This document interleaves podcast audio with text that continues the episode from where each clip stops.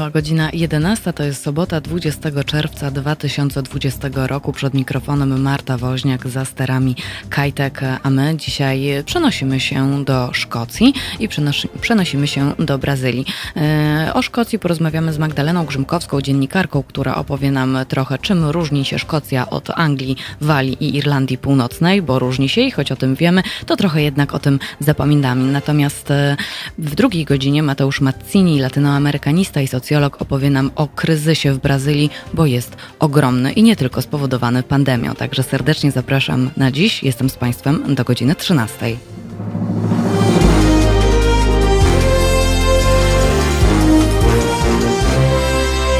Witam Państwa serdecznie. Proszę się gromadzić, proszę się zbierać, proszę dawać znać, że są Państwo po tej drugiej stronie. Do dyspozycji mail teraz małpahalo.radio. Jeżeli mają Państwo jakieś refleksje, wątpliwości, pytanie, chcieliby się Państwo czymś podzielić, to proszę dawać znać. Teraz małpahalo.radio. A jeżeli mają Państwo jakiś pomysł na przykład na kraj, w którym możemy się kiedyś w Halo Depesze spotkać, to tutaj woźniak małpahalo.radio. Czekam na propozycję. E, inną formą kontaktu, jak mogą Państwo się z nami kontaktować tutaj w Halo Radio, to jest e, oczywiście dwie transmisje. Jedna jest na Facebooku, druga jest na YouTubie. To są czaty, e, no tak, czaty na żywo, więc proszę dawać znać, że są Państwo po tej drugiej stronie. Widzę, że już się Państwo tutaj tłumnie zbierają. E, witam Julka, witam, witam Baju Baj, e, witam Gregorego Hausa. O, tutaj reprezentacja Szkocji po drugiej stronie też jest. E, Jogiewicza, Lady witam pana Marka Jerzego, e, pana Pawła, e, pana Romana. Witam, witam serdecznie. E, witam pana Irka też i pana Romana tutaj akurat z drugiego czatu. Natomiast mogą państwo też dzwonić, to bez dwóch zdań, 22 39 059 22. Taki jest numer telefonu telefonu do naszego haloradiowego studia. E, no to co? Teraz już z nami na łączach Magdalena Grzymkowska, dziennikarka na stałe mieszkająca w Szkocji. Halo, halo, słyszymy się? Halo, dzień dobry, witam serdecznie. E, witamy Cię również, e, powitujemy. E, no to Magdalena jest dziennikarką, mieszka na stałe w Edynburgu, obserwuje, co się dzieje, co się dzieje, no, chciałabym powiedzieć w Wielkiej Brytanii, ale to tak myślę sobie, zostawmy tę Wielką Brytanię, zostawmy tę Anglię, te Walię i te Irlandie Północne, tylko dzisiaj koncentrujemy się na Szkocji, Szkocji. No i tak, jakieś takie pokutuje przekonanie, że jak się myśli Wyspy Brytyjskie, to się zamienia, zamiennie używa właściwie jest Anglią. Jak e, coś się właśnie dzieje w e, Wielkiej Brytanii, to się myśli, a bo Anglicy tacy i tacy. E, no a nieprawda. Dlaczego nie pamiętamy o, dlaczego nie pamiętamy właśnie o tym, że Wielka Brytania, a właściwie Zjednoczone Królestwo, to jest nie tylko Anglia, ale też Irlandia Północna, Walia, no i właśnie Szkocja. E, no, trudno odpowiedzieć na to pytanie tak naprawdę. Chcę wierzyć w to, że nie wynika to z braku wiedzy czy ignorancji e, związanej właśnie z mm, historią Wielkiej Brytanii, e, tylko że przyjęliśmy tak wzorem może Stanów Zjednoczonych, że w kraju, w którym są pewne regiony, które mają pewną autonomię, wszyscy mieszkańcy są jednolitym narodem. Tak jak właśnie w Ameryce jak Amerykanin mieszkający w Utah czy w północnej Karolinie nie powie, że jest Jutańczykiem czy Karolińczykiem, raczej powie, że jest Amerykaninem. I wydaje mi się, że właśnie tę kalkę geopolityczną przenieśliśmy sobie na Wielką Brytanię.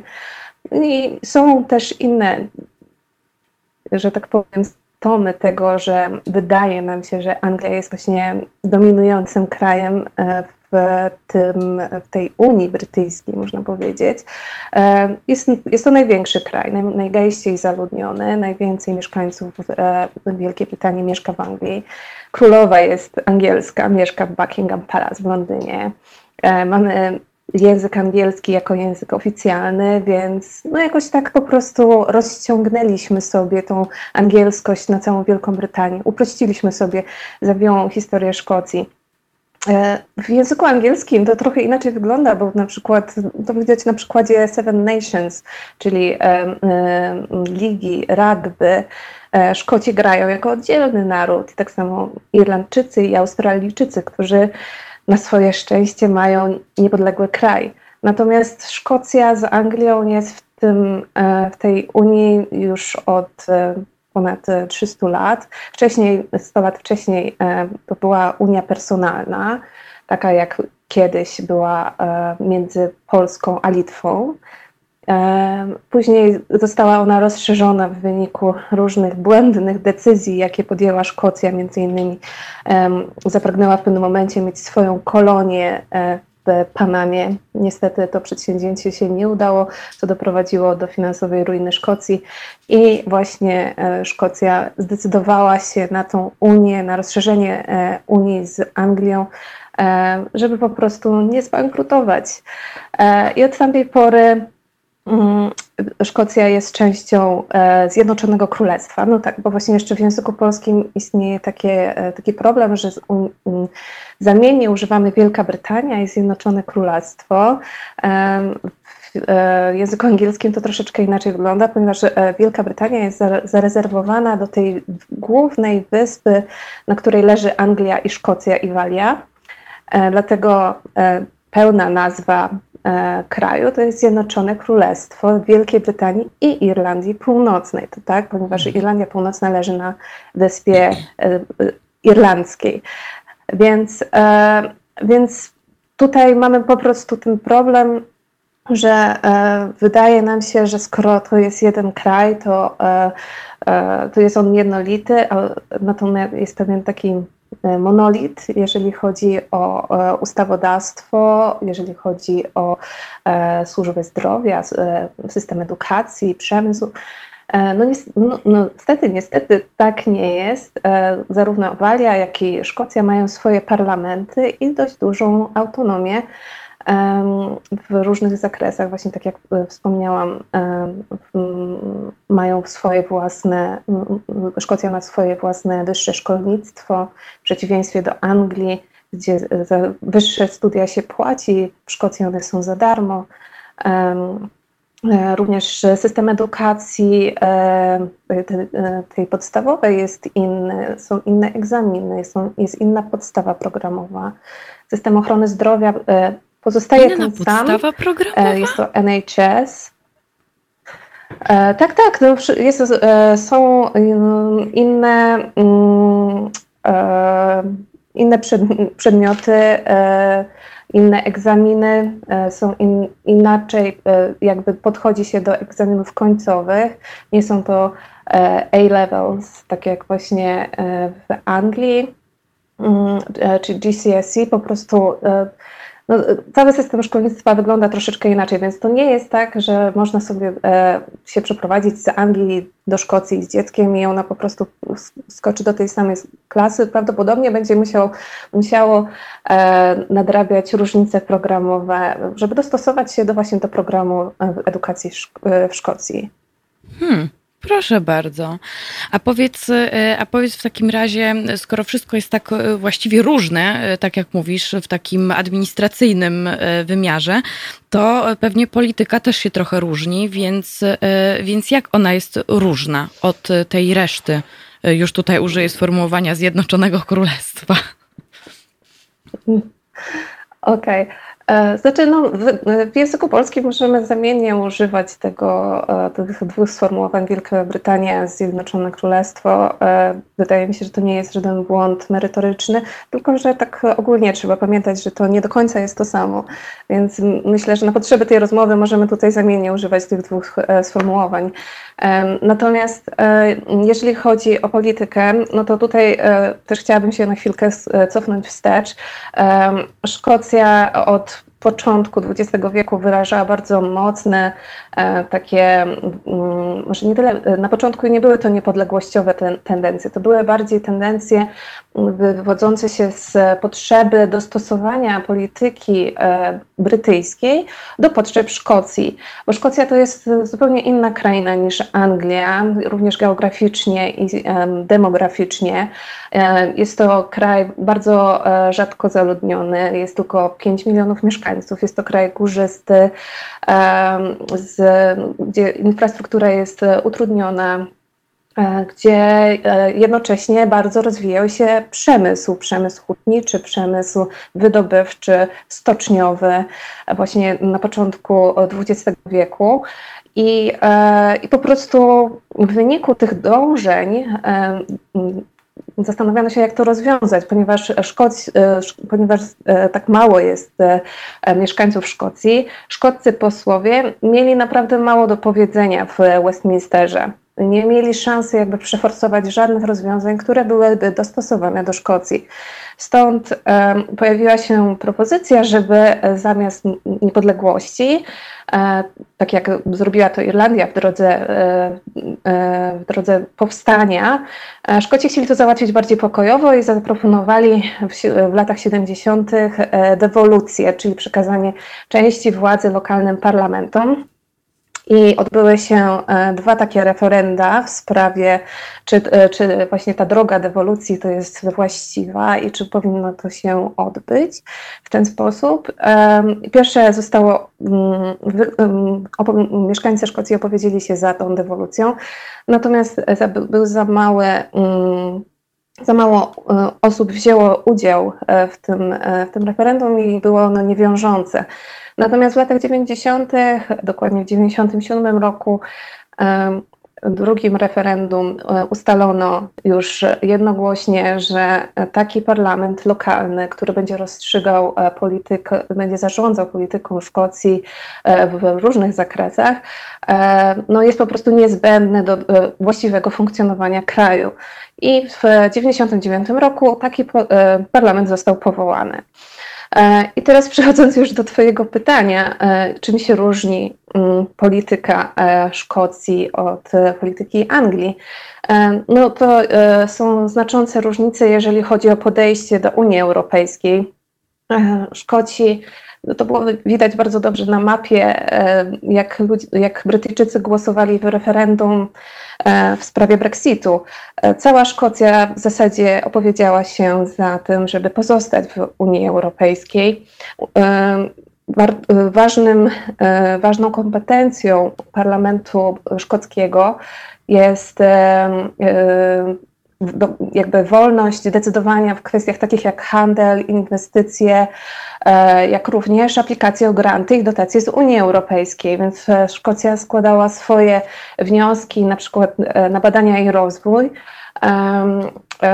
o dotacje indywidualnie, bez jakby potrzeby zatwierdzenia przez Westminster. Więc e, naprawdę Szkocja w dużej mierze jest, jest bardzo dużo obszarów gdzie, e, w Szkocji, gdzie e, skorzystano z tej pomocy europejskiej. Nie, nie, nie, jest to oczywiście taka pomoc jak w Polsce, czyli właśnie budowa autostrad, bo powiedzmy, że ta część infrastrukturalna była w Szkocji już zapewniona, ale właśnie badania i rozwój, wszelkie granty związane z mm, szkolnictwem wyższym, z, z innowacjami, to, e, to bardzo dużo pieniędzy dostawała Szkocja z Unii Europejskiej. No i drugim argumentem, dlaczego Szkocja jest tak proeuropejska, jest to, że jest to mały kraj, który e, liczy 5 mm, e, milionów mieszkańców i potrzebuje tego wolnego przepływu ludzi, potrzebuje imigrantów do pracy i jednocześnie ci imigranci są przyjmowani w Szkocji bardzo serdecznie, z wielkim takim E, no, jest to zupełnie inne podejście niż w Anglii, bo wcześniej mieszkałam też w Anglii, więc mam porównanie. E, ale to, hmm. ale to widać również w innych aspektach, na przykład jeżeli chodzi o przyjmowanie uchodźców z Syrii, e, to 17% mm, wszystkich uchodźców, które przyjęła Wielka Brytania, mieszka w Szkocji. Więc biorąc pod uwagę właśnie jaki mały jest ten kraj e, i jak mało mieszkańców tu mieszka w porównaniu do 60-milionowej e, Anglii, no to, no to jest e, zaskakująco, zaskakująco duży procent. To tacy bardziej, bardzo, a, mhm. o, rozumiem, że to też wynika, no nie wiem, może z takiej otwartości też jednak? Czy to jest jednak chęć, chęć zysku? Um, E, myślę, że, że mm, to takie pytanie z cyklu, co było pierwsze, jajko czy kura.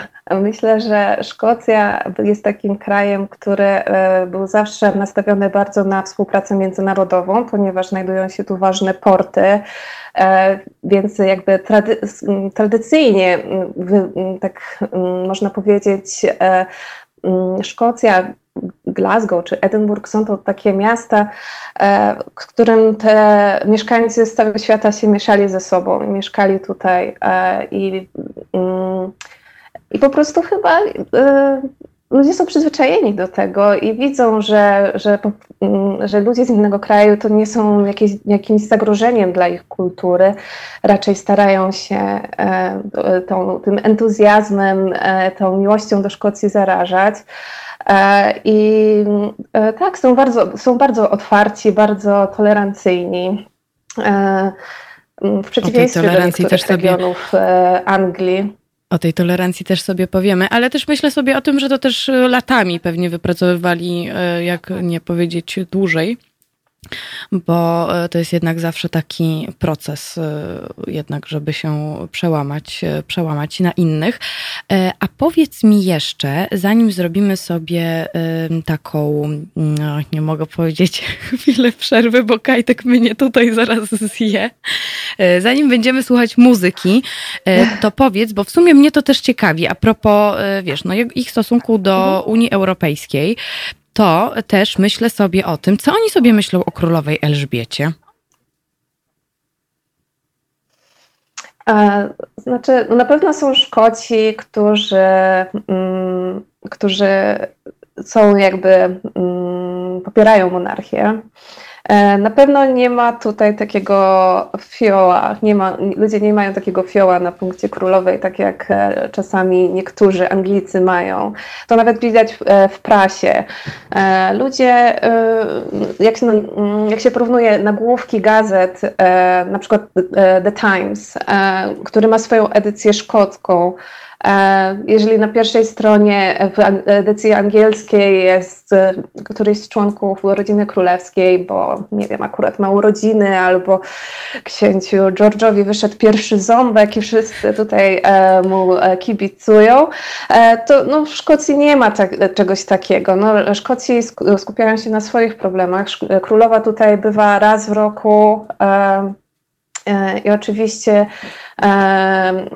jej mąż, e, e, książę Edynburga, jest na pewno bardzo związany z, ze Szkocją, ale to nie jest, e, to nie jest no jest to e, chłodne podejście, powiedziałabym. Oczywiście hmm. na pewno są osoby, które popierają monarchię, ale e, tutaj jakby ta monarchia nie dosięga za bardzo swoimi wpływami i e, wydaje mi się, że, że tak, że jeżeli miałabym przyjąć jakąś średnią, to ludzie są raczej sceptyczni wobec monarchii i jeżeli doszłoby do sytuacji, w której Szkocja uzyskuje niepodległość, no to na pewno nie była to, by to monarchia, tylko e, republika. Tutaj e, jeden z naszych słuchaczy, Gregory House, e, kiedy słucha Halo Depeszy, to zawsze pozdrawia ze Szkocji, więc my i również go pozdrawiamy. I akurat pisze, obcując ze szkocką klasą robotniczą, powiem, że królowa jest im obojętna, a niepodległości chcą. Do e, tematu niepodległości i do tego jeszcze, jaką, jaka jest Szkocja, wrócimy sobie już za moment. Także zostawiamy Państwa z The Brand New uh, Heavies, You're the universe.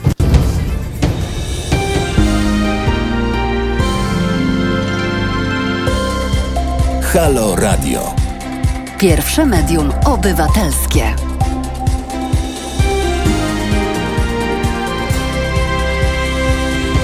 Ci z Państwa, którzy teraz się do nas dołączyli, przypominam, że trwa Halo Depesza, przed mikrofonem Marta Woźniak, a z nami na łączach e, dziennikarka na stałe mieszkająca w Szkocji, w Edynburgu, Magdalena Grzymkowska. I rozmawiamy sobie, tak plotkujemy sobie troszeczkę, jaka ta Szkocja jest. E, przypominam Państwu, że e, dzięki Państwu możemy akurat tak sobie właśnie plotkować o tej Szkocji, więc bardzo dziękujemy za każdą i z tego miejsca również ja dziękuję za każdy datek, za każdą złotówkę, za każde wspieranie Halo Radia i proszę wspierać nas dalej, bo tylko dzięki Państwu możemy mieć takie być, rozmawiać, słuchać takiego medium obywatelskiego, jakim bez wątpienia jest Halo Radio. Jak można nas wspierać? Odsyłam Państwa na stronę halo.radio albo na naszego Facebooka, gdzie jest bardzo dużo informacji, jak właśnie wspierać nas można. Można nas wspierać też, że tak powiem, namacalnie, to znaczy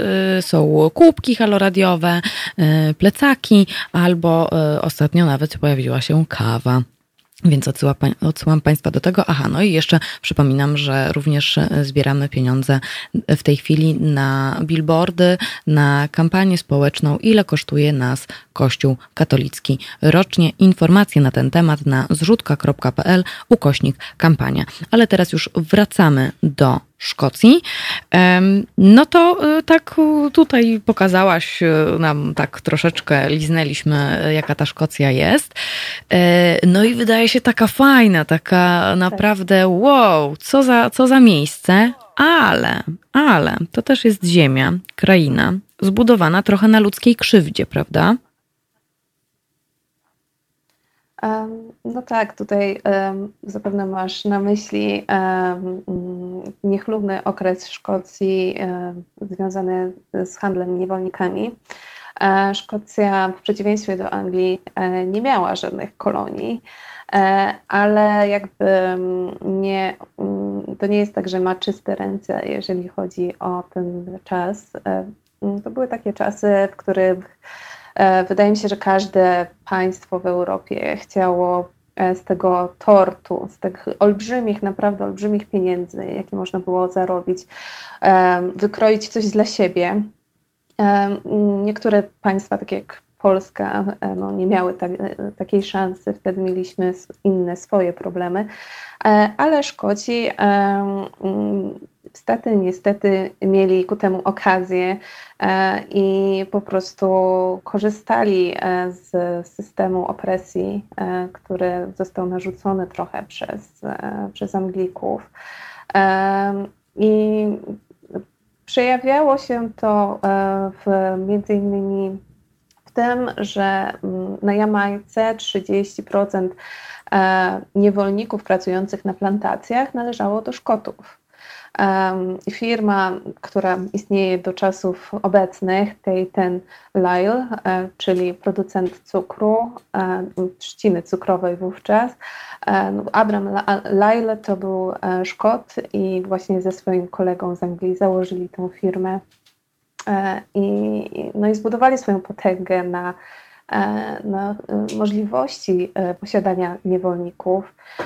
I tutaj jest też te, taka rozbieżność, bo mówi się o tym, że Szkocja, e, oświecenie e, szkockie e, w dużej mierze przyczyniło się do tego, że niewolnictwo zostało w Wielkiej Brytanii zabronione. Ale są jakby takie przypadki osób, które jednak to, z tego niewolnictwa czerpały olbrzymie zyski. E, I jedną z takich osób jest e, Henry Dundas, e, który opóźnił zniesienie niewolnictwa o 15 lat, sprzeciwiał się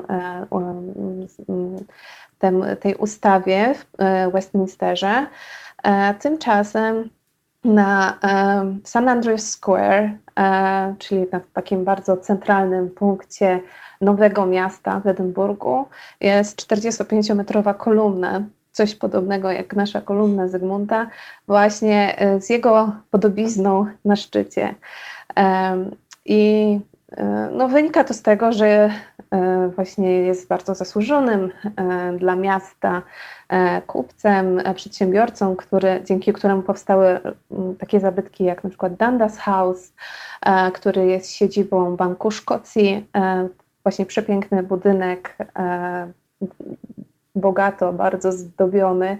No tylko, że właśnie e, wtedy się nie zastanawiano, jak ten, jak ten monument e, powstawał, e, skąd pochodziły te pieniądze, które właśnie wydawał później Dundas na, na wspaniałe kamienice, pałace wręcz w Edynburgu. I takich miejsc w Edynburgu, w Glasgow, w innych miejscach Szkocji jest dużo. Często się wspomina University, Glasgow University, które zostało w zasadzie ufundowane z pieniędzy pochodzących z handlu niewolnikami. Też tutaj warto mm, zaznaczyć, że w Szkocji posiadanie niewolników e, było zabronione od 1778 roku, ale handel nimi był dozwolony jeszcze przez kilkadziesiąt lat. Więc e, bo po prostu e, ludzie mieli świadomość tego, że to przynosi intratne zyski i zasila też skarbiec Szkocji. Więc no, no nie da się ukryć, że są, e, e, że, że na tych pieniądzach zbudowano e, bardzo ważne instytucje, właśnie jak Glasgow University, Inverness Academy, Dollar Academy. To są, to są ośrodki naukowe, które potem oczywiście przyczyniły się do rozwoju myśli oświeceniowej, do, do różnych poprawiających jakość życia, wynalazków i rozwiązań. No niestety trzeba pamiętać, że to e, były też takie ciemne e, obszary w historii Szkocji, że nie do końca ta historia Szkocji jest kryształowa. Co jednak wydaje mi się jest godne pochwały w tej, przy e, okazji ruchu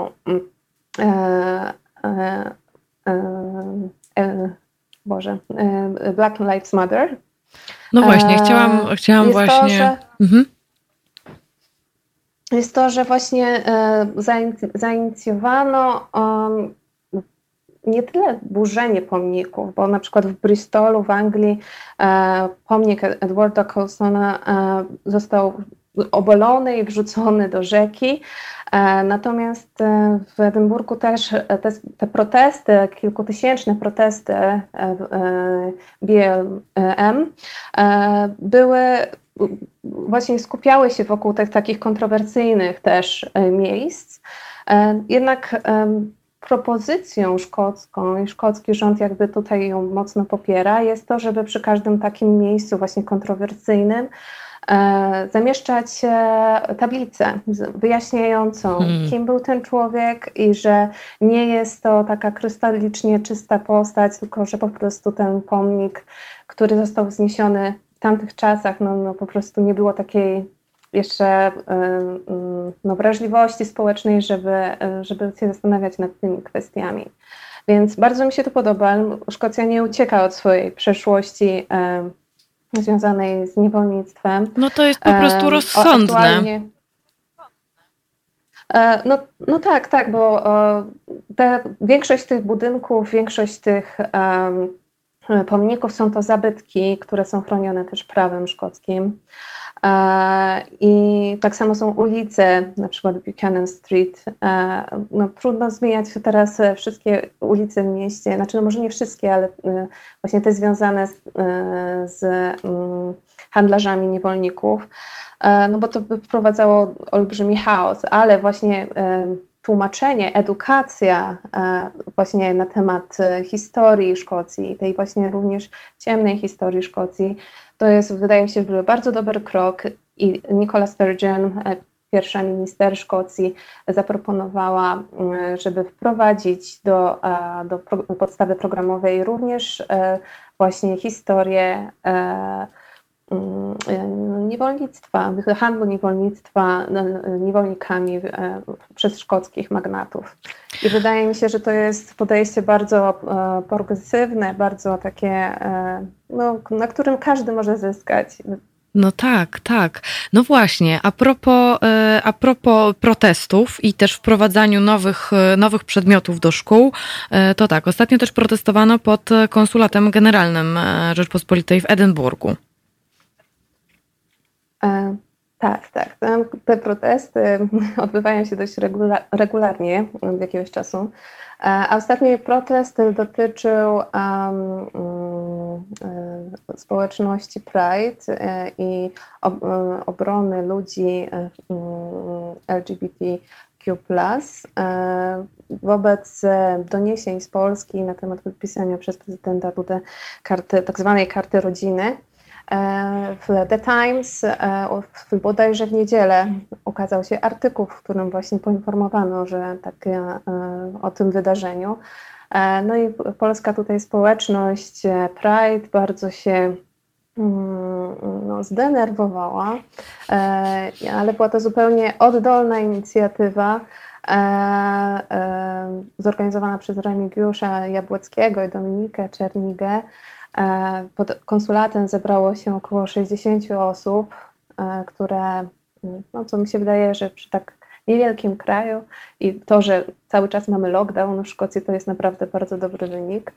E, więc mm, no, tutaj jest, rozmawiałam właśnie wczoraj z organizatorami tego, e, tego protestu. E, byli bardzo pozytywnie zaskoczeni właśnie chociażby tym, że zgłaszając protest, ten protest e, na policję, no bo trzeba było zapewnić uczestnikom protestu bezpieczeństwo i rzeczywiście stały radiowozy i byli policjanci. I zgłaszając właśnie e, ten protest na policję, było takie zrozumienie tego, że osoba zgłaszająca miała wiedzę na temat sytuacji w Polsce i wiedziała, że to nie pierwszy protest w tym miejscu i, nie było żadnych e, problemów, nie trzeba było jakoś się tłumaczyć z tego, dlaczego protestujemy. To było takie naturalne i normalne i Trzeba przyznać, że w Szkocji, jeżeli chodzi właśnie o tolerancję wobec osób LGBTQ, to jest e, naprawdę olbrzymia. E, już nawet nie porównując z Polską, ale e, ogólnie z krajami Europy Zachodniej, tu są nie tylko właśnie takie tęczowe kluby czy puby, ale są też księgarnie, miejsca spotkań, które tętnią życiem, na które przychodzą nie tylko e, osoby reprezentujące mniejszości seksualne, ale też e, e, osoby heteronormatywne, które po prostu chcą się czegoś dowiedzieć więcej na temat tego ruchu, na temat historii i, i po prostu też trochę stanąć w ich obronie. Chociaż właściwie no, trudno tutaj mówić o obronie, ponieważ ludzie, zresztą to właśnie organizatorzy protestu, E, podkreślali, że oni się tutaj, tutaj czują zupełnie pełnowartościowymi członkami społeczeństwa. Od 2005 roku są dozwolone tu związki partnerskie. Od 2014 roku również małżeństwa e, e, tej samej, osób tej samej płci.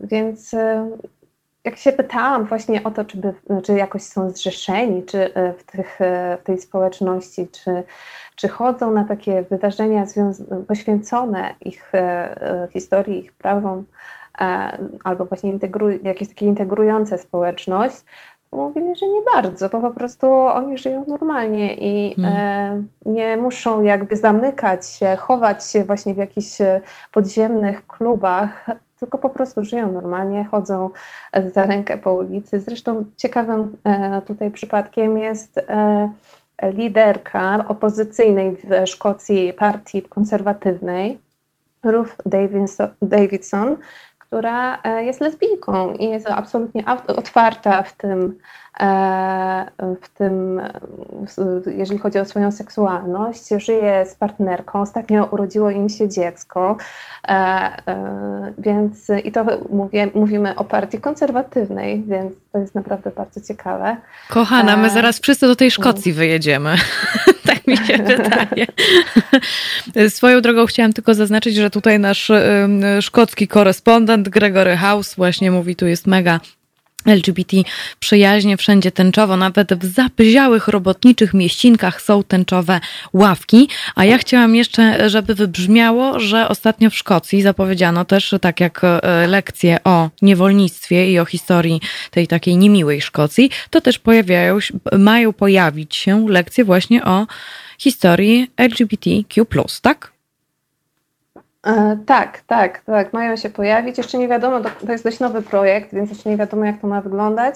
E, zresztą podobnie jak właśnie mm, mm, lekcja historii na temat handlu niewolnic, niewolnikami. E, ale tak, ale to jest właśnie jakby przejaw tego, jakie jest tutaj podejście. Podejście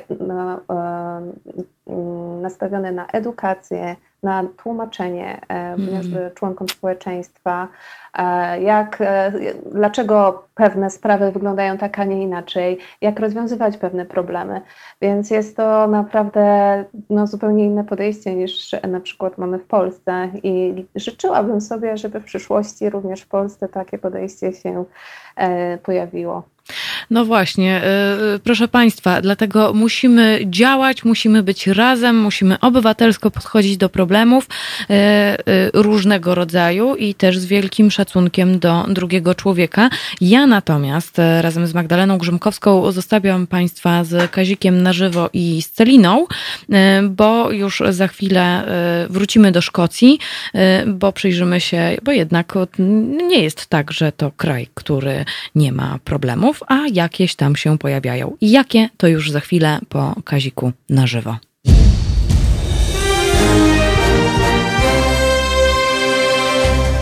Halo Radio. Gadamy i trochę gramy.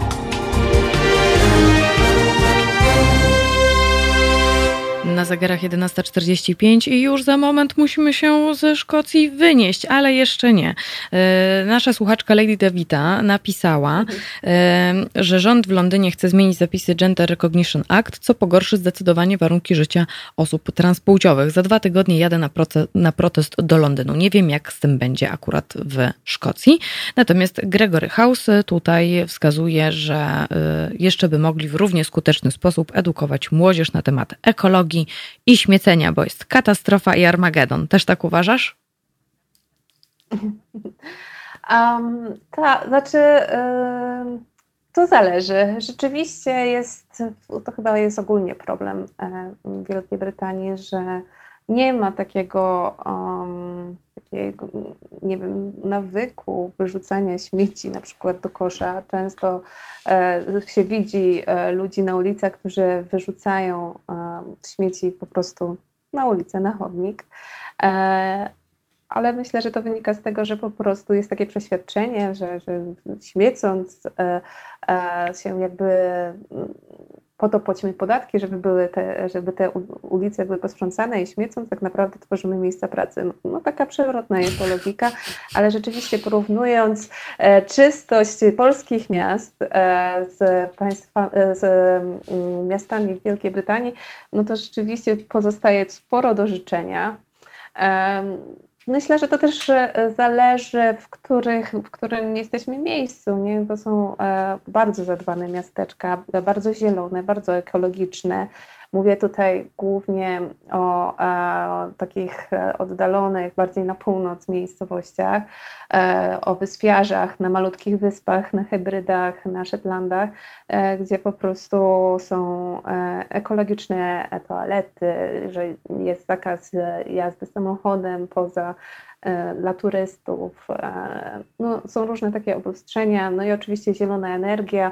E, tutaj w Szkocji bardzo się rozwija, elektrownie wiatrowe, elektrownie słoneczne, e, fotowoltaika e, jest dostępna dla w zasadzie każdego e, mieszkańca, ponieważ jeżeli ma swój dom, to może wystąpić o dotację z rządu na właśnie zamontowanie takich paneli słonecznych na swoim dachu. I to jest no, bardzo korzystne dla, dla mieszkańców i dla, i dla środowiska, nawet jeżeli rzeczywiście w tej Szkocji nie ma zbyt dużo słońca, to, to jednak można dużo pieniędzy zaoszczędzić i jednocześnie też e, mm, w bardziej słoneczne dni wytworzyć trochę energii na przykład dla sąsiadów. E, mhm. I właśnie do, te dotacje dotyczą właśnie tej, tej wymiany jakby e, energii. Więc e, jeżeli chodzi o śmiecenie, no to tak, niestety muszę się zgodzić z tym, że, e, że ta edukacja pod tym względem e, jest dopiero raczkująca. E, myślę, że to też wynika z nierówności społecznych, które niestety występują w Szkocji e, i z tego, że po prostu w niektórych, e, obszarach, nawet w Edynburgu są po prostu bardzo eleganckie dzielnice z pięknymi willami, ale, ale są też blokowiska, gdzie żyją osoby mm, no, często bezrobotne albo zarabiające najniższą krajową i po prostu tych, tej edukacji w tych właśnie mniej uprzywilejowanych regionach może brakować. A jakie są jeszcze problemy? Um. No, na pewno e, jednym z problemów jest starzejące się społeczeństwo i tutaj e, jest to problem, który dotyka wszystkich krajów Europy, e, ale w Szkocji jest to szczególnie widoczne, ponieważ jest, takie, jest taka moda, taki trend, że dużo Anglików, którzy całe życie mieszkali w Anglii, na, na, na starość przeprowadzają się właśnie do Szkocji, no bo tutaj jest i lepsze powietrze, lepsza woda, pogoda jest trochę gorsza, no ale da się przeżyć. E, więc, e, więc jest po prostu e, nadwyżka tych osób e, już na emeryturze ludzi pracujących jest e, w takim wieku produkcyjnym jest e, e, coraz mniej. Dlatego tak ważne dla Szkocji były, dlatego tak ważni dla Szkocji byli ci imigranci, o których mówiłam wcześniej, i ten wolny przepływ ludzi. Kiepski jest też dostęp do usług zdrowotnych, społecznych w mniejszych miejscowościach, e, zwłaszcza właśnie tam e, w górach, w Highlandach, e, no, ponieważ jest, są to małe mieściny, które są kiepsko skomunikowane z większymi miastami, więc na przykład no, dostęp do służby zdrowia jest gorszy. Też dużym problemem jest bezrobocie, zwłaszcza w przemyśle ciężkim. Na to miało wpływ na pewno w 2016 roku e, mm, kryzys olejowy, który bardzo uderzył w szczególności w bardzo bogate wcześniej miasto w, e, Aberdeen, e, ponieważ z dnia na dzień w zasadzie ceny ropy naftowej dramatycznie spadły. Wiele osób straciło pracę, spółki wydobywające E, ropę naftową z Morza Północnego e, no, zaczęły upadać, bankrutować. E, I, no i to się bardzo odbiło też na, mm, na też jest to spowodowane, znaczy jest to, efektem tego są różne problemy ze zdrowiem psychicznym, ale też uzależnienia. Więc nie tylko depresyjna pogoda za oknem, ale właśnie te napięcia społeczne i te nierówności społeczne spowodowane e, mm, no, utratą pracy e, powoduje to, że 60 e, tysięcy, szacuje się, że tak 60 tysięcy Szkotów ma problem z narkotykami. To tak, jeżeli miałabym porównać Szkocję na przykład ze Słowacją, która jest podobnej wielkości, podobnej wielkości krajem, no to e, mm, w Słowacji e, co roku umiera około 20 osób z powodu narkotyków, w Szkocji ponad 1000, prawie 1200. Więc jest to też spowodowane industrializacją w latach 80 którym, e, która spowodowała, że, że też wiele osób straciło pracę i w nowej rzeczywistości po prostu te osoby nie potrafiły się odnaleźć. Problemem też jest alkoholizm, niestety. E, Szkoci piją średnio 17% więcej niż e, Anglicy i Walijczycy. Hmm. Jest to około 10 litrów na osobę czystego alkoholu. W Polsce jest to 12 litrów, ale chciałam zauważyć, że w Szkocji raczej pije się e, piwa. Ludzie, to jest naturalne, że po pracy idzie się do, do pubu na piwo i to, nawet pijąc właśnie mniejsze ilości czystego alkoholu można się łatwo uzależnić, jeżeli się to robi bardzo regularnie. No i też warto tutaj wspomnieć, że y, ponad 1 czwarta e, Szkotów pije e, alkoholu dużo ponad wyznaczoną normę, co też niestety e, powoduje to, że no, no łatwiej po prostu od tego alkoholu się uzależnić. Rząd wprowadza różne programy, które mają na celu ograniczyć właśnie mm, ten problem alkoholizmu. Jest prohibicja od 10 wieczorem do 10 rano, nie można kupić hmm. alkoholu. Hmm. Jest też niższa dopuszczalna ilość alkoholu we krwi, jeżeli chodzi o prowadzenie aut niż w, w Anglii. W Anglii jest to 0,8 promila, e, w Szkocji jest to 0,2, tak samo jak w Polsce. E, niemniej jednak no, e, tutaj myślę, że też potrzeba dużo większego nakładu środków e, na programy społeczne, na programy rehabilitacyjne, na również edukację, żeby właśnie od najmłodszych lat uczulać najmłodszych mieszkańców Szkocji, że te problemy mogą występować i żeby starać się no, nie, nie doprowadzić do, do, jakiegoś, do jakiejś eskalacji tego problemu. I tym oto akcentem Magdalena Grzymkowska, moją i Państwa gościnią. Magdo, bardzo, bardzo Ci dziękujemy za podzielenie się Twoją wiedzą to myślę, że była e, no, no, no, no, no, no niesamowite. Ja jestem pod wrażeniem i chciałabym pojechać do Dziękuję Szkocji teraz. Za zaproszenie. Na zdrowie, ale. E, tak, zapraszamy. Na zdrowie, ale e, zdecydowanie jestem pewna, że jeszcze się usłyszymy na antenie Halo Radia, to bez dwóch zdań. Moją Państwa gościnią Magdalena Grzymkowska, dziennikarka na stałe mieszkająca w Szkocji w Edynburgu. Dziękujemy Ci bardzo. Dziękuję również, pozdrawiam. E, natomiast ja się z Państwem jeszcze nie żegnam, jestem z Państwem do godziny 12.45. E, e, za chwilę przenosimy się do Stanów Zjednoczonych, bo zagra nam Nirvana, później przenosimy się na chwilę do Europy, bo punkt o 12 gramy hymn, natomiast później łączymy się z Mateuszem Macinim i przenosimy się do Ameryki Południowej, ale jesteśmy dzisiaj zalatani. Słyszymy się za moment.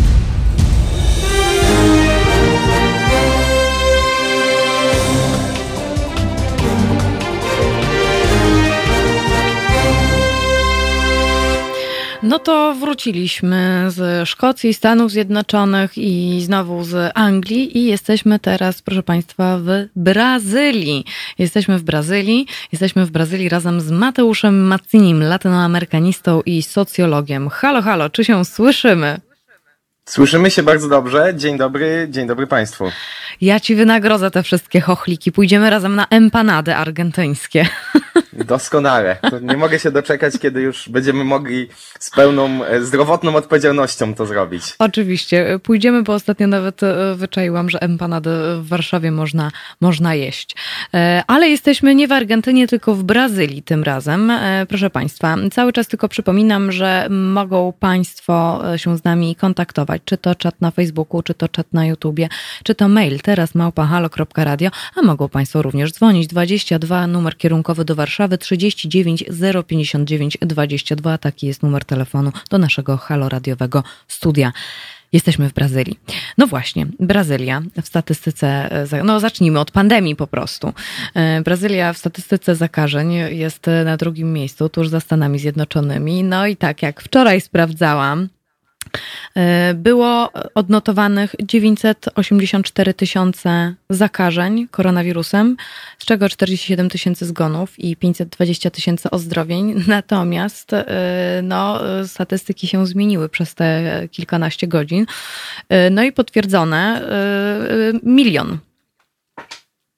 Co teraz? Tak, ale myślę, że oczywiście warto tutaj powiedzieć o tym, o tej zmianie E, z piątku na sobotę i o, i o tej psychologicznej granicy miliona potwierdzonych zakażeń, która jest niewyobrażalna dla nawet w większości podejrzewam europejskich krajów, bo nawet w, we Włoszech czy w Hiszpanii, czyli tych państwach, które najmocniej ucierpiały na starym kontynencie z powodu koronawirusa, my się nawet nie zbliżaliśmy do e, tak wysokich odczytów.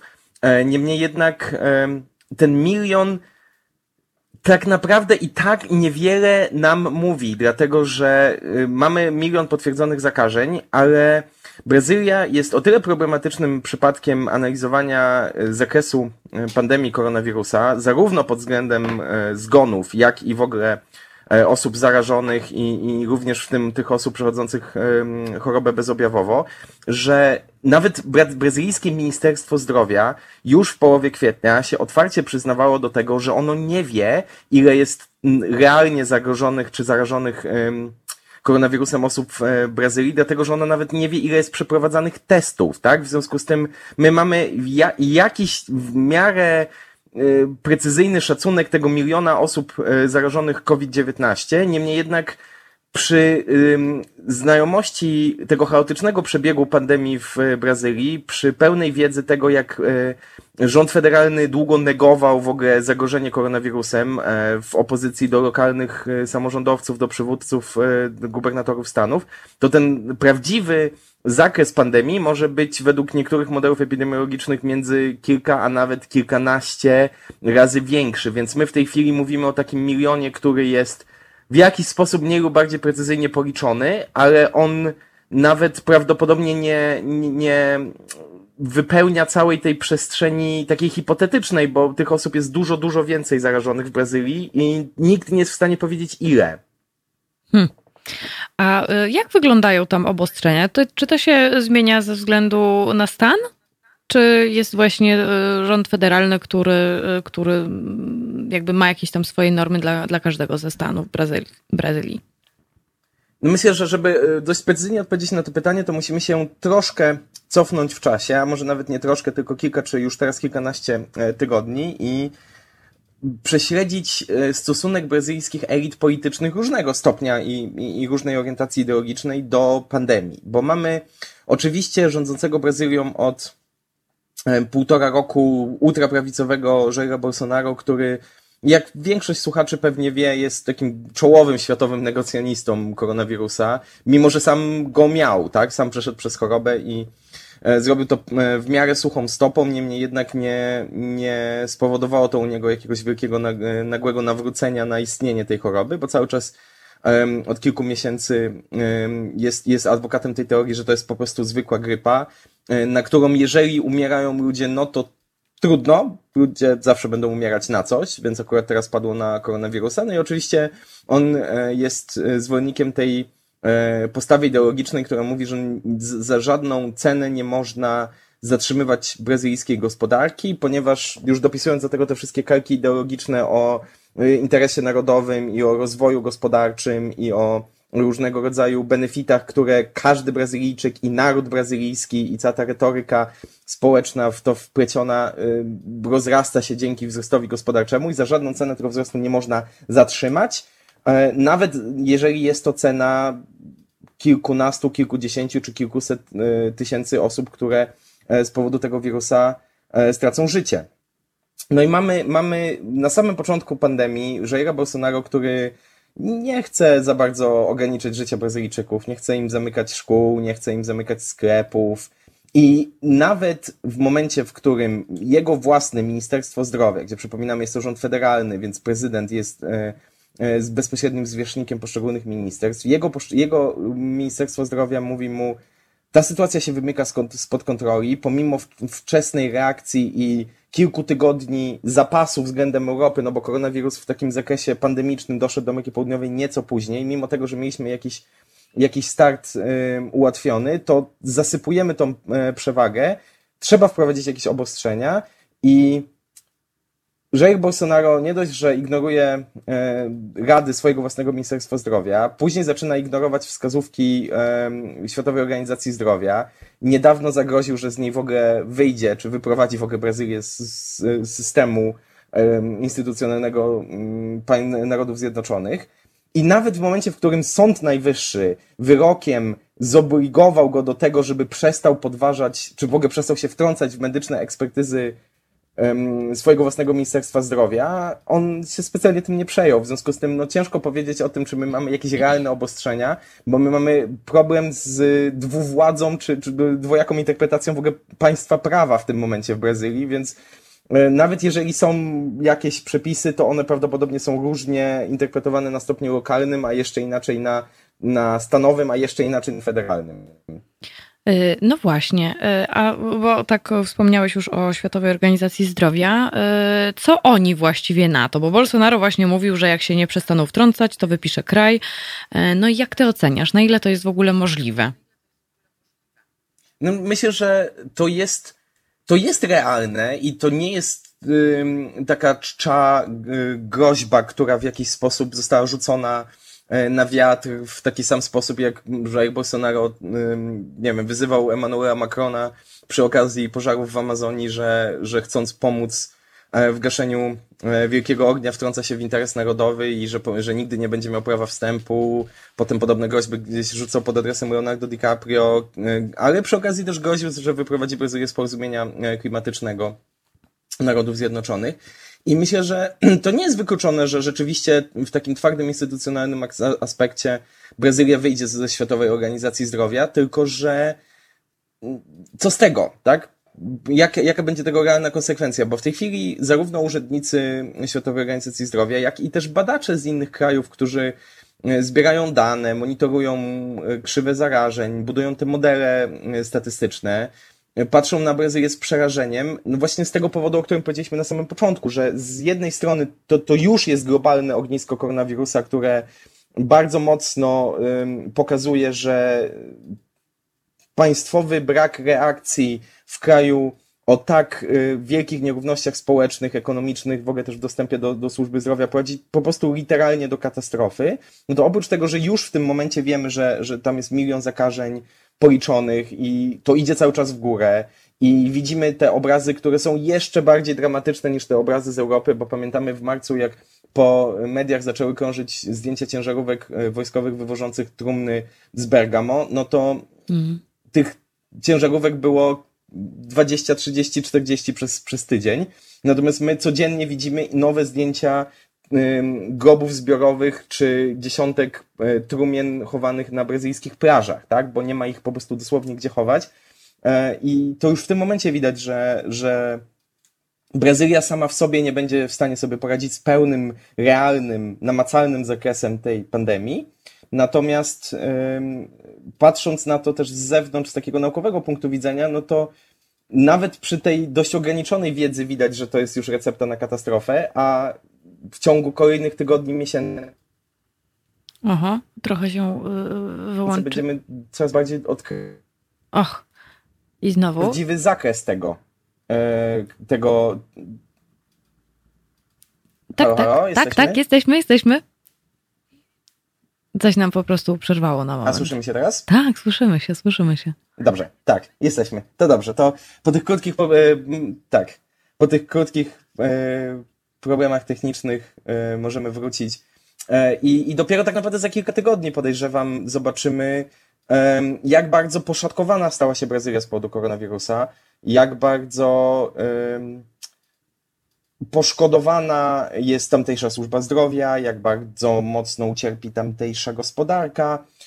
I, I w którym momencie Jair Bolsonaro już po prostu straci dalszą legitymizację do rządzenia, bo ludzie się zorientują po prostu, że wokół niego tworzy się jakaś taka bardzo jasna odpowiedzialność za tą katastrofę spuszczoną na brazylijskie społeczeństwo.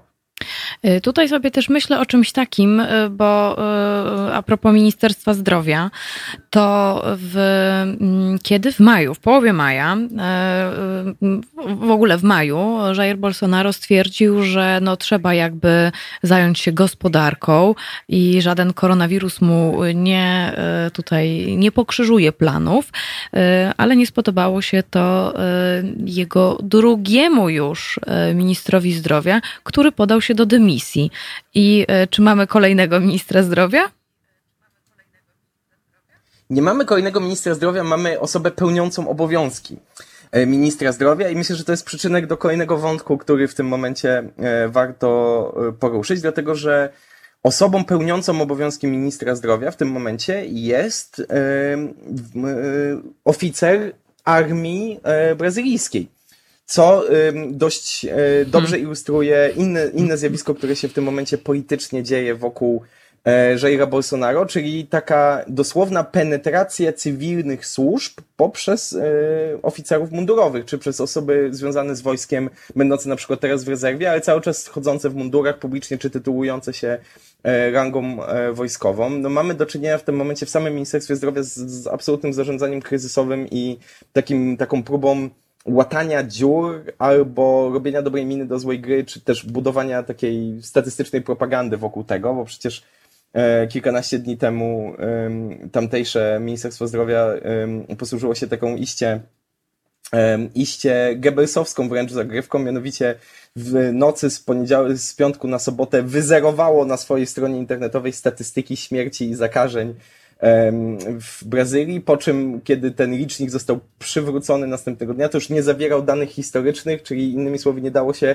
prześledzić, jak wyglądała pandemia w Brazylii przez kilkanaście czy kilkadziesiąt poprzednich e, dni. Potem Sąd Najwyższy zobligował wyrokiem po raz kolejny Ministerstwo Zdrowia i samego Bolsonaro do tego, żeby te dane przywrócić. Zrobiła się z tego ogromna awantura. Oczywiście tłumaczono, że tam były problemy techniczne, że to jest kwestia zmiany metodologii, że zawsze się znajdzie ku temu jakieś pseudonaukowe uzasadnienie. Niemniej jednak fakt jest taki, że e, samo Ministerstwo Zdrowia w tym momencie przechodzi taką ewolucję z takiej instytucji, która na początku pandemii była jakąś taką twardą opozycją wobec Bolsonaro i mówiła zamykamy gospodarkę, zamykamy szkoły, zamykamy ludzi, musimy ich odizolować, nie mamy też infrastruktury, żeby każdego, każdego, każdego zabezpieczyć w tym momencie z każdym kolejnym ministrem, a już teraz w ogóle z tym pełniącym obowiązki ministra wojskowym, przechodzi coraz bardziej na stronę Bolsonaro i e, patrzenia, o, patrzenia na koronawirusa przede wszystkim jako na zagrożenie dla rozwoju i wzrostu gospodarczego.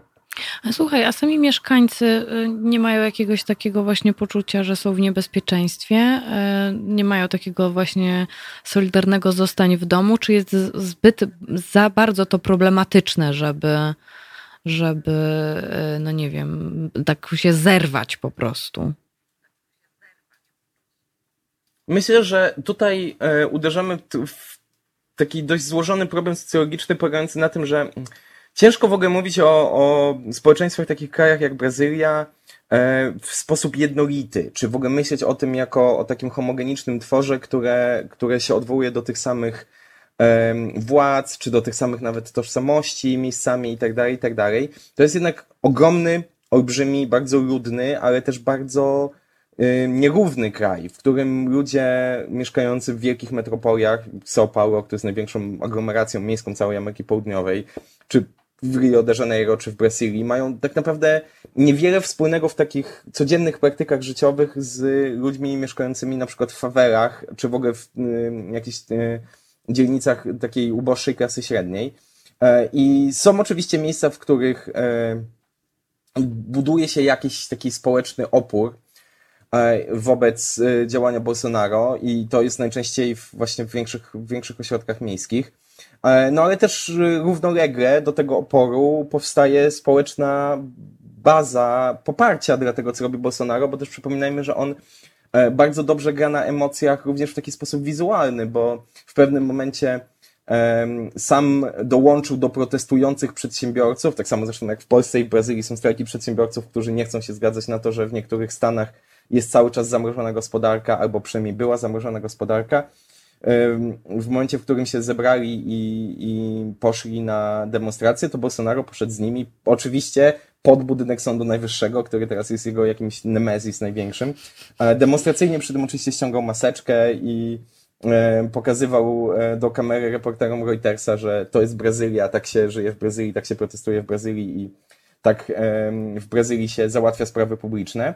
E, natomiast do tego jeszcze dochodzą dziesiątki milionów ludzi mieszkających w tych dzielnicach biedy, w których z kolei doszło do jeszcze innego zjawiska słabo jakoś powiedzmy omówionego w Europie, w których rolę władz państwowych i rolę tej, tej władzy politycznej przejęła przestępczość zorganizowana. I już na samym początku pandemii, gdzieś w okolicach kwietnia czy połowy kwietnia, e, w momencie, w którym ten koronawirus już dotknął Ameryki Południowej w wystarczająco dużym zakresie, żeby wiedzieć, czym to się skończy, w wielu miejscach, nawet w słynnym mieście Boga, chyba najbardziej znanej faweli w całej Ameryce, w całej Brazylii, czy, czy, czy dzielnicy biedy w Ameryce Południowej, gangi, organizacje przestępcze, które często są źródłem, wyznacznikiem i gwarantorem prawa w tych miejscach, zaczęły po prostu wprowadzać swoje własne obostrzenia. I mieliśmy do czynienia z takimi zjawiskami, że w momencie, w którym w dużych miastach Brazylii była trochę taka wolna amerykanka i nie było wiadomo, jakie są ograniczenia, co wolno, czego nie wolno, no to w fawelach była bardzo przykładna kwarantanna, czy godzina policyjna. Były takie zjawiska, w których e, członkowie tych gangów wynajmowali prywatnych lekarzy, żeby przebadali mieszkańców faweli, e, inwestowali w sprzęt sanitarny, w maseczki, w płyny do dezynfekcji, wykupywali billboardy, na których pisali, jeżeli państwo o was nie zadba, zrobi to przestępczość zorganizowana i dotrzymali słowa, byli śmiertelnie poważni na ten temat. Jeździli, po prostu pukali od, e, od, od domu do domu, czy tam od siedliska do siedliska i mówili od dzisiaj na terenie całej faweli jest kwarantanna z powodu, czy, czy przymusowa izolacja z powodu koronawirusa i niespecjalnie nas obchodzi to, że władza publiczna wam mówi, że może jest inaczej. My tu stanowimy prawo, ale my też będziemy o was dbać, bo widzimy, że państwo idzie w złym kierunku. Ale to tak samo przecież było we Włoszech. Dokładnie tak samo. I e, pamiętam, że rząd mówił, żeby nie ufać e, mafiozom akurat. To właśnie mi się tak przypomniało. Więc e, jakiś tam, ale to tak dość, dość, dość lekko jednak ta włoska mafia mafia podchodziła, bo oni, oni jeździli, rozdawali jedzenie, jakieś takie, jakieś takie właśnie wsparcie to było. To coś takiego mi się kojarzy, że faktycznie.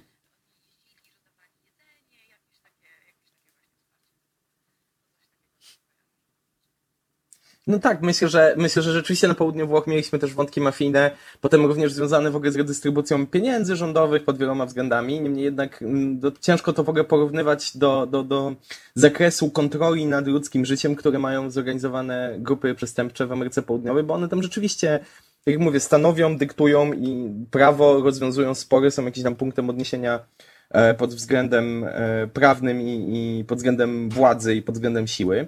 E, I o tyle, o ile we Włoszech było to może jakimś takim dowodem anegdotycznym, no to we Włoszech, w Brazylii stało w jasnym kontraście do tego, co mówi władza federalna, tak? I zanim władza federalna się zdecydowała w ogóle na to, żeby wprowadzić jakieś szerokie testowanie, to no ciężko sobie nam w ogóle z europejskiego punktu widzenia wyobrazić taką, takie zjawisko, że paru e, panów wysiada z drugiego samochodu z przyciemnionymi szybami i wchodzi do brazylijskiego odpowiednika LuxMedu czy innej prywatnej placówki i mówi poproszę w tym momencie pięć do mojej faweli i przebadają ileś tam osób albo zrobią ileś testów. Mhm. Słuchaj Mateusz. Więc myślę, że pod tym względem E, pod tym względem e, jest to o tyle egzotyczna opowieść. Mhm. Y, zrobimy sobie y, chwilę przerwy, y, chwilę oddechu, przepraszam, Aha. chwilę oddechu. Tak, tak, tak, słyszymy się. No i właśnie mamy problemy mhm. techniczne troszeczkę, ale zróbmy sobie, usłyszmy, usłyszmy The Police i zaraz wrócimy sobie do innych problemów, bo pandemia pandemią, ale Jair Bolsonaro ma też inne problemy i to takie dość, dość dość poważne kłopoty i terapaty. Natomiast teraz w Państwa uszach The Police.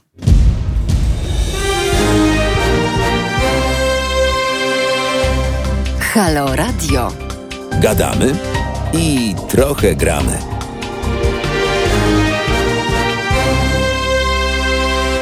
Na zegarach 12.34 jesteśmy jeszcze przez kilkanaście minut z Mateuszem Macinim, latynoamerykanistą i socjologiem z państwem. Nie wiem, czy państwo są po tej drugiej stronie, bo państwo nie komentują, nie dzwonią, więc tak e, my sobie tutaj porozmawiamy dalej o Brazylii, a państwo się chyba będą po prostu przysłuchiwać.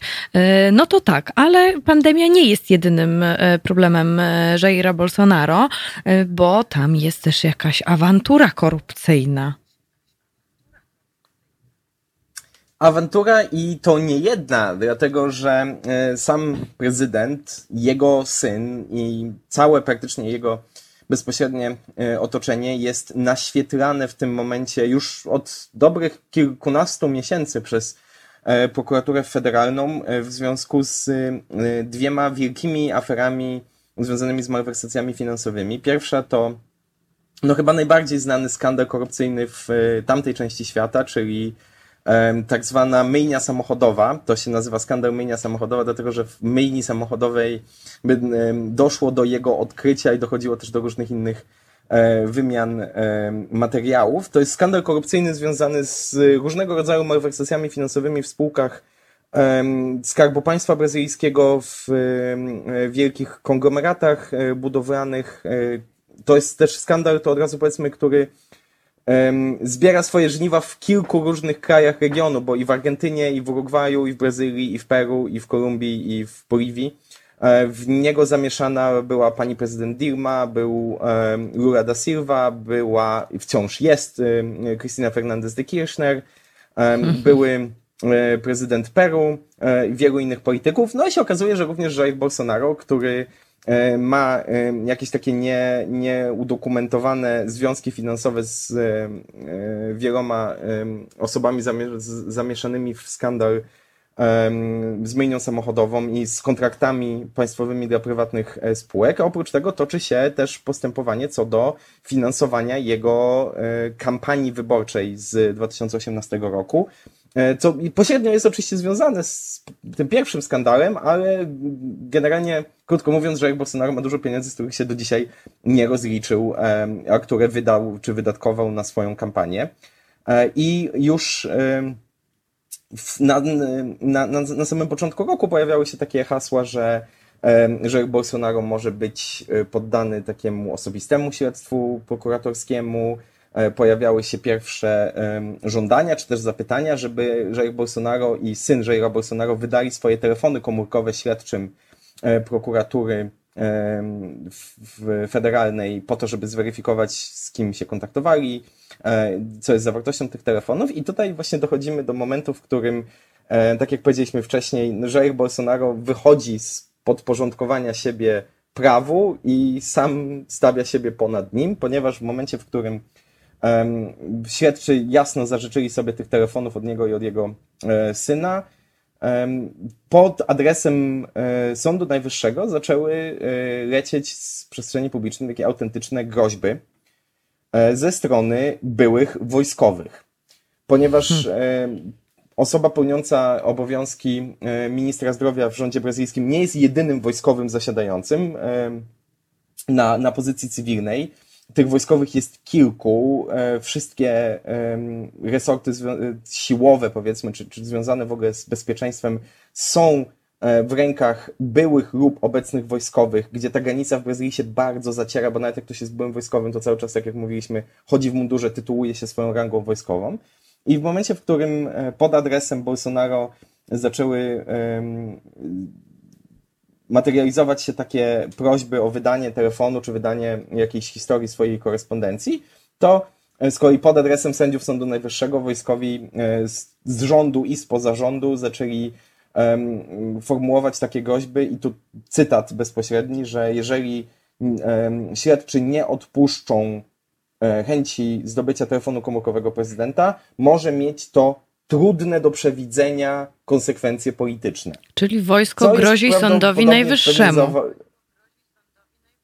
Wojsko w regularny sposób, czy ludzie związani z wojskiem albo e, wojskowi w cywilnym rządzie w bardzo zawołany jeszcze sposób e, e, daje do zrozumienia, że jeżeli ktoś podniesie rękę na Bolsonaro, to używając znanego cytatu, władza wojskowa może mu tą rękę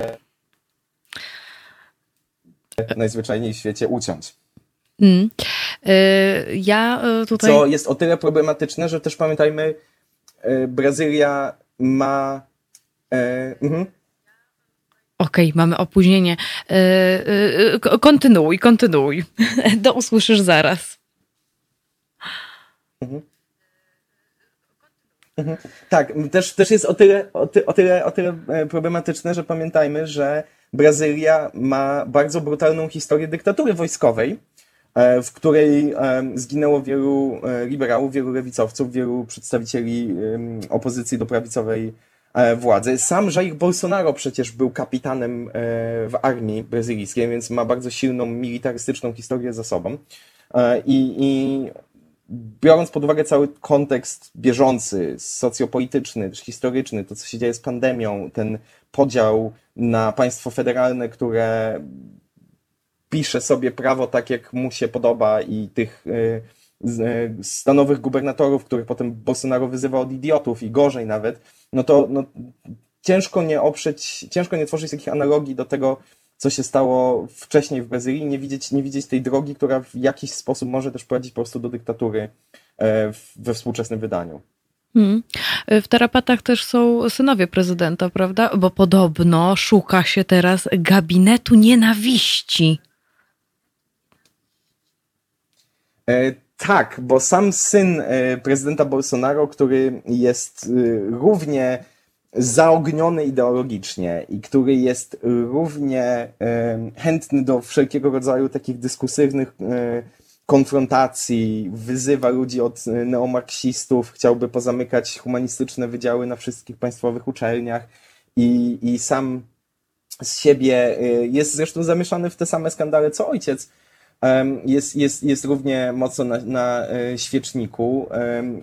Tworzy się w tym momencie taką retorykę, że to jest jakaś nagonka. Oczywiście raz na jakiś czas winni tej nagonce temu, tej, tej, tej nienawiści wobec prezydenta i jego syna są jakieś takie liberalne, bliżej nieokreślone siły z Zachodu czy z Europy, czasami ze Stanów Zjednoczonych, ale ze Stanów Zjednoczonych to już tak nie bardzo, no bo jednak z Trumpem trzeba sobie czasami podać rękę i, i utrzymywać stosunki handlowe, bo to jest bardzo ważny partner gospodarczy.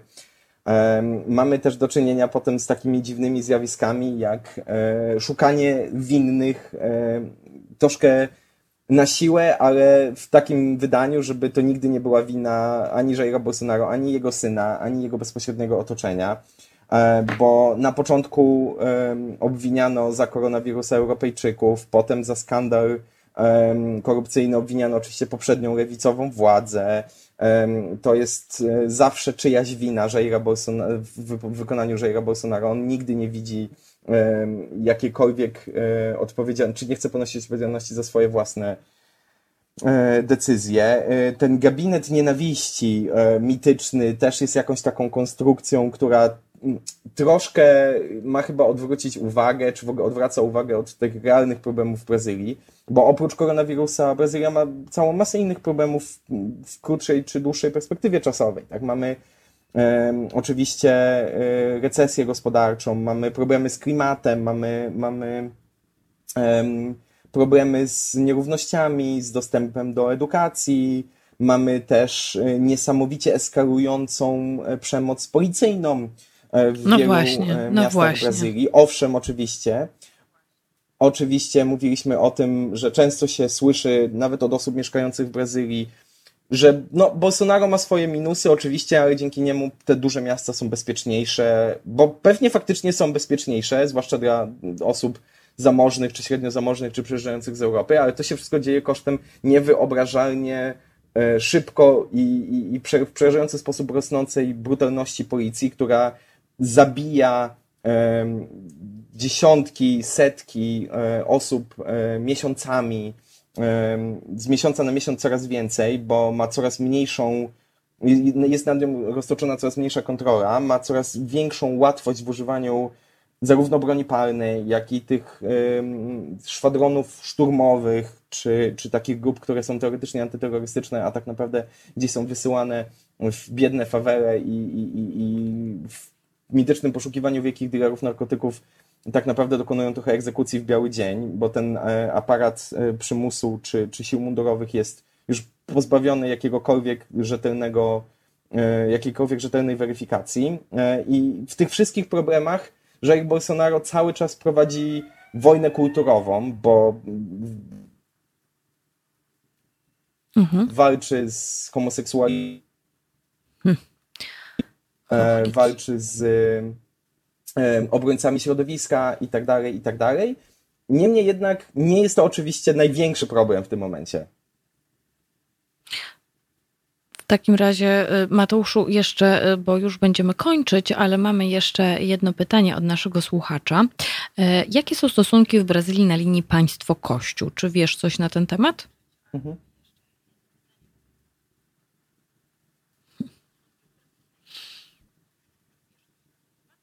To jest y, bardzo zbliżona sytuacja do tego, co dzieje się w Stanach Zjednoczonych, bo mamy do czynienia z takim prezydentem.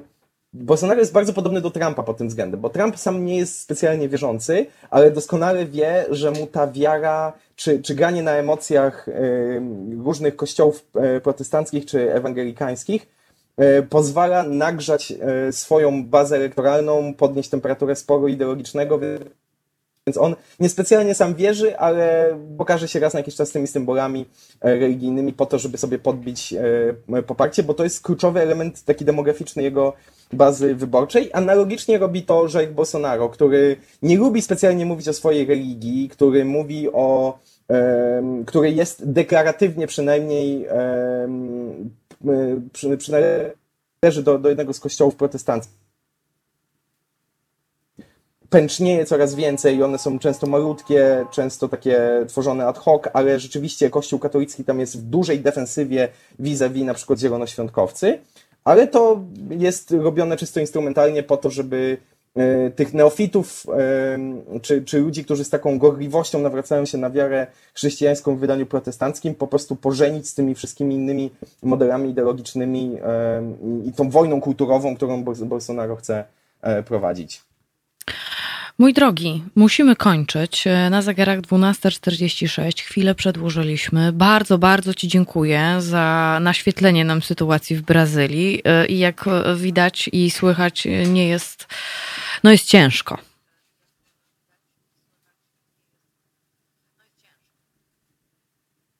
Jest ciężko, ale też pamiętajmy, że cała Ameryka Południowa, ale i Brazylia to są takie E, miejsca, które mają swój własny sposób radzenia sobie z wieloma różnymi kryzysami. Oby i było tak w tym, e, w tym wydaniu.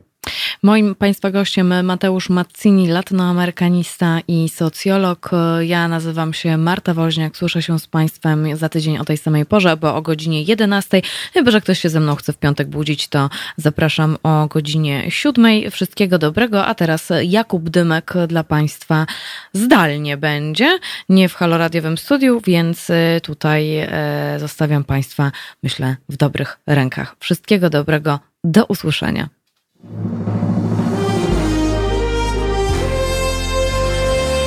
Proste. Żeby robić medium prawdziwie obywatelskie, potrzebujemy Państwa stałego wsparcia finansowego. Szczegóły na naszej stronie www.halo.radio, w mobilnej aplikacji na Androida i iOS-a oraz na koncie Fundacji Obywatelskiej w serwisie www.patronite.pl. Naszym darczyniom i darczyńcom serdecznie dziękujemy. www.halo.radio. Słuchaj na żywo, a potem z podcastów.